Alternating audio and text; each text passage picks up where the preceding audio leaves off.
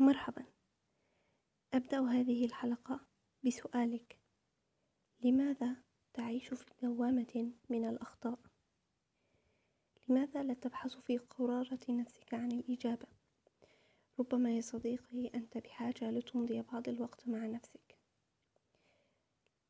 أنت تلوم نفسك دائما على تلك الأخطاء التي لطالما تكررها ذلك الذنب الذي أحال بينك وبين تلك العبادات التي أنت تعلم يقينا أنها سوف تصلح حالك.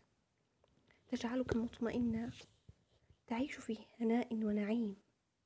لكن تلك الأخطاء تمنعك من النهوض على قدميك مجددا.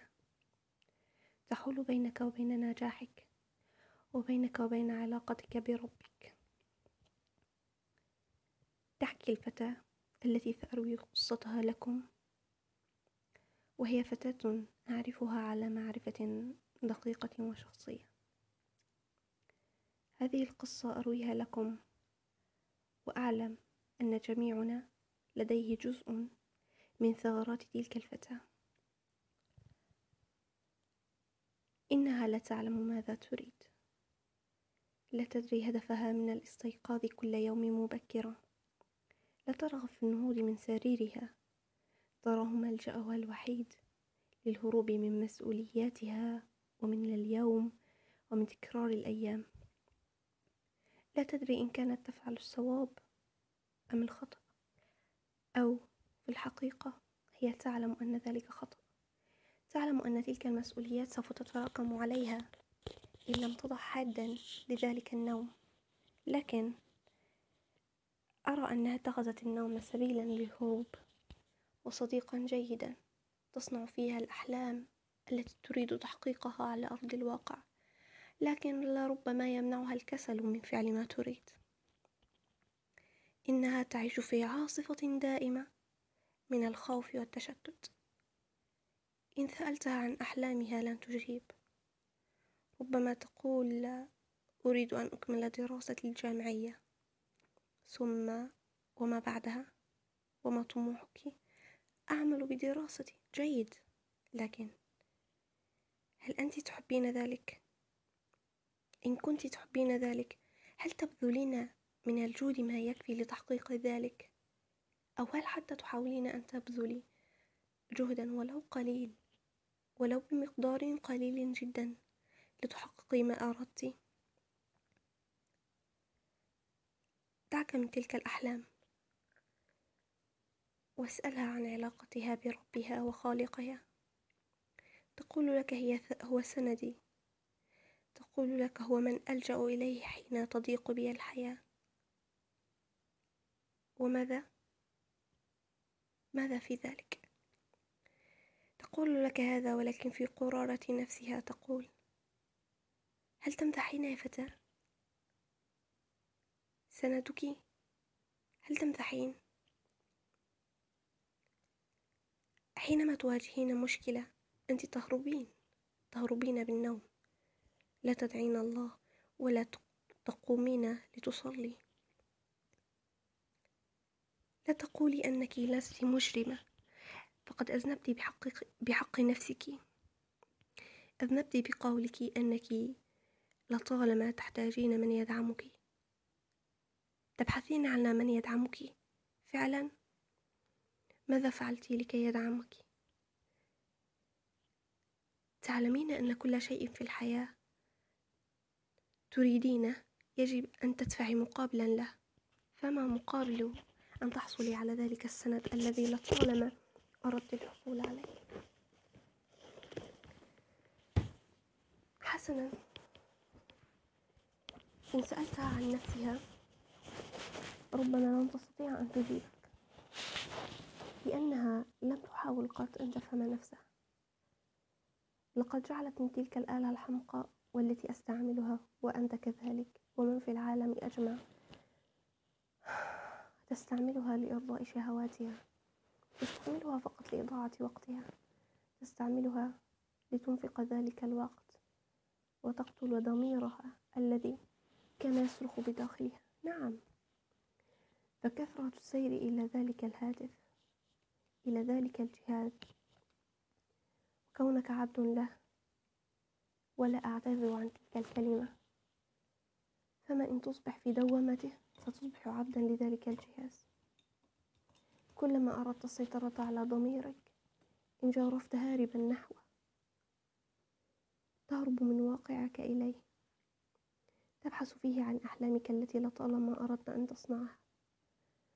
لكن للأسف يا صديقي لا تستطيع أن تصنعها أتعلم؟ هناك الكثير من العيوب.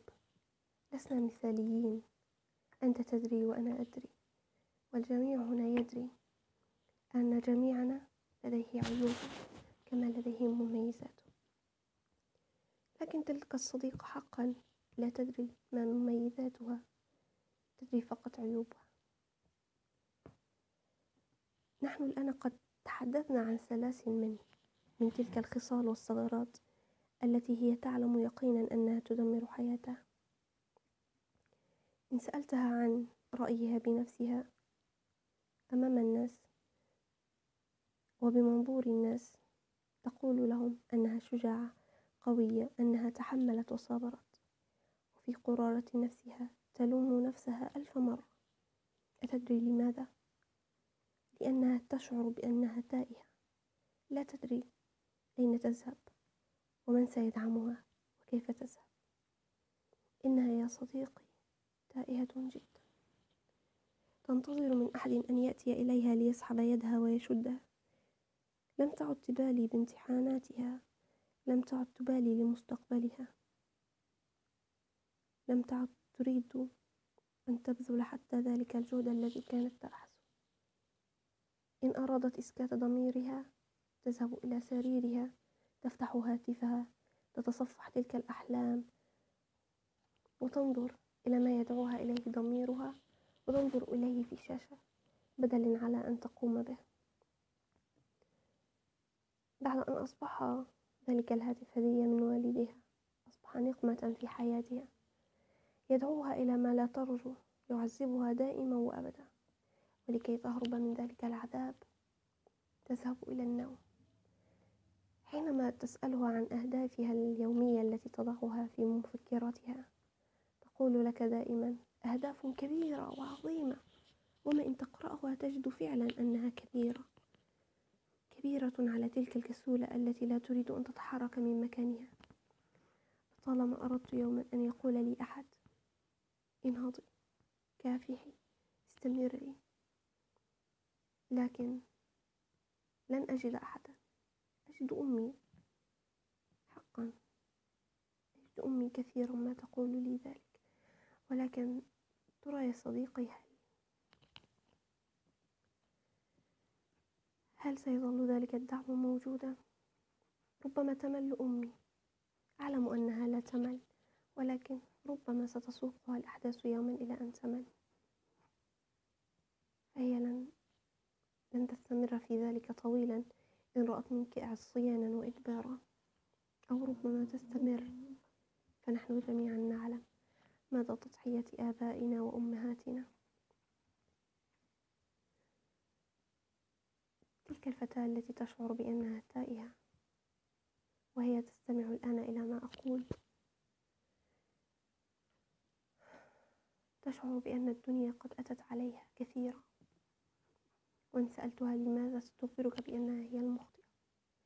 كلما أرادت أن تحكي همها والذي هو لا شيء إنه هم ناجم من الكسل هم ناجم من عدم العبادة هم ناجم من حب أن تكون مثاليا بشكل زائد مثاليا وكاملا. ونحن جميعا ندري أنه لا أحد كاملا. ذلك الكسل الذي أوصلها إلى ما هي عليه الآن؟ تركها لعبادتها كونها خاضعة لذلك الهاتف. ربما هي من جعلت نفسها خاضعة له. وكثرة تلك الذنوب التي تفعلها بالسر جعلت قلبها قاس أنا وأنت يا صديقي سوف نبحر معا في أعماق تلك الفتاة. وسنحاول أن نجد حلا لما يدور بها وعن حالها وفي طريق بحثنا عن ذلك الحل الذي سوف نجد أن كل فرد منا يحتوي على مشكلة وثغرة مما تمتلكه هذه الفتاة. ذلك الحل الذي سنحاول الوصول إليه صدقني أنا على يقين بأنه سوف يساعدنا في حياتنا. أنا نجمة أقدم لكم هذا البودكاست وبودكاست منتصف الليل.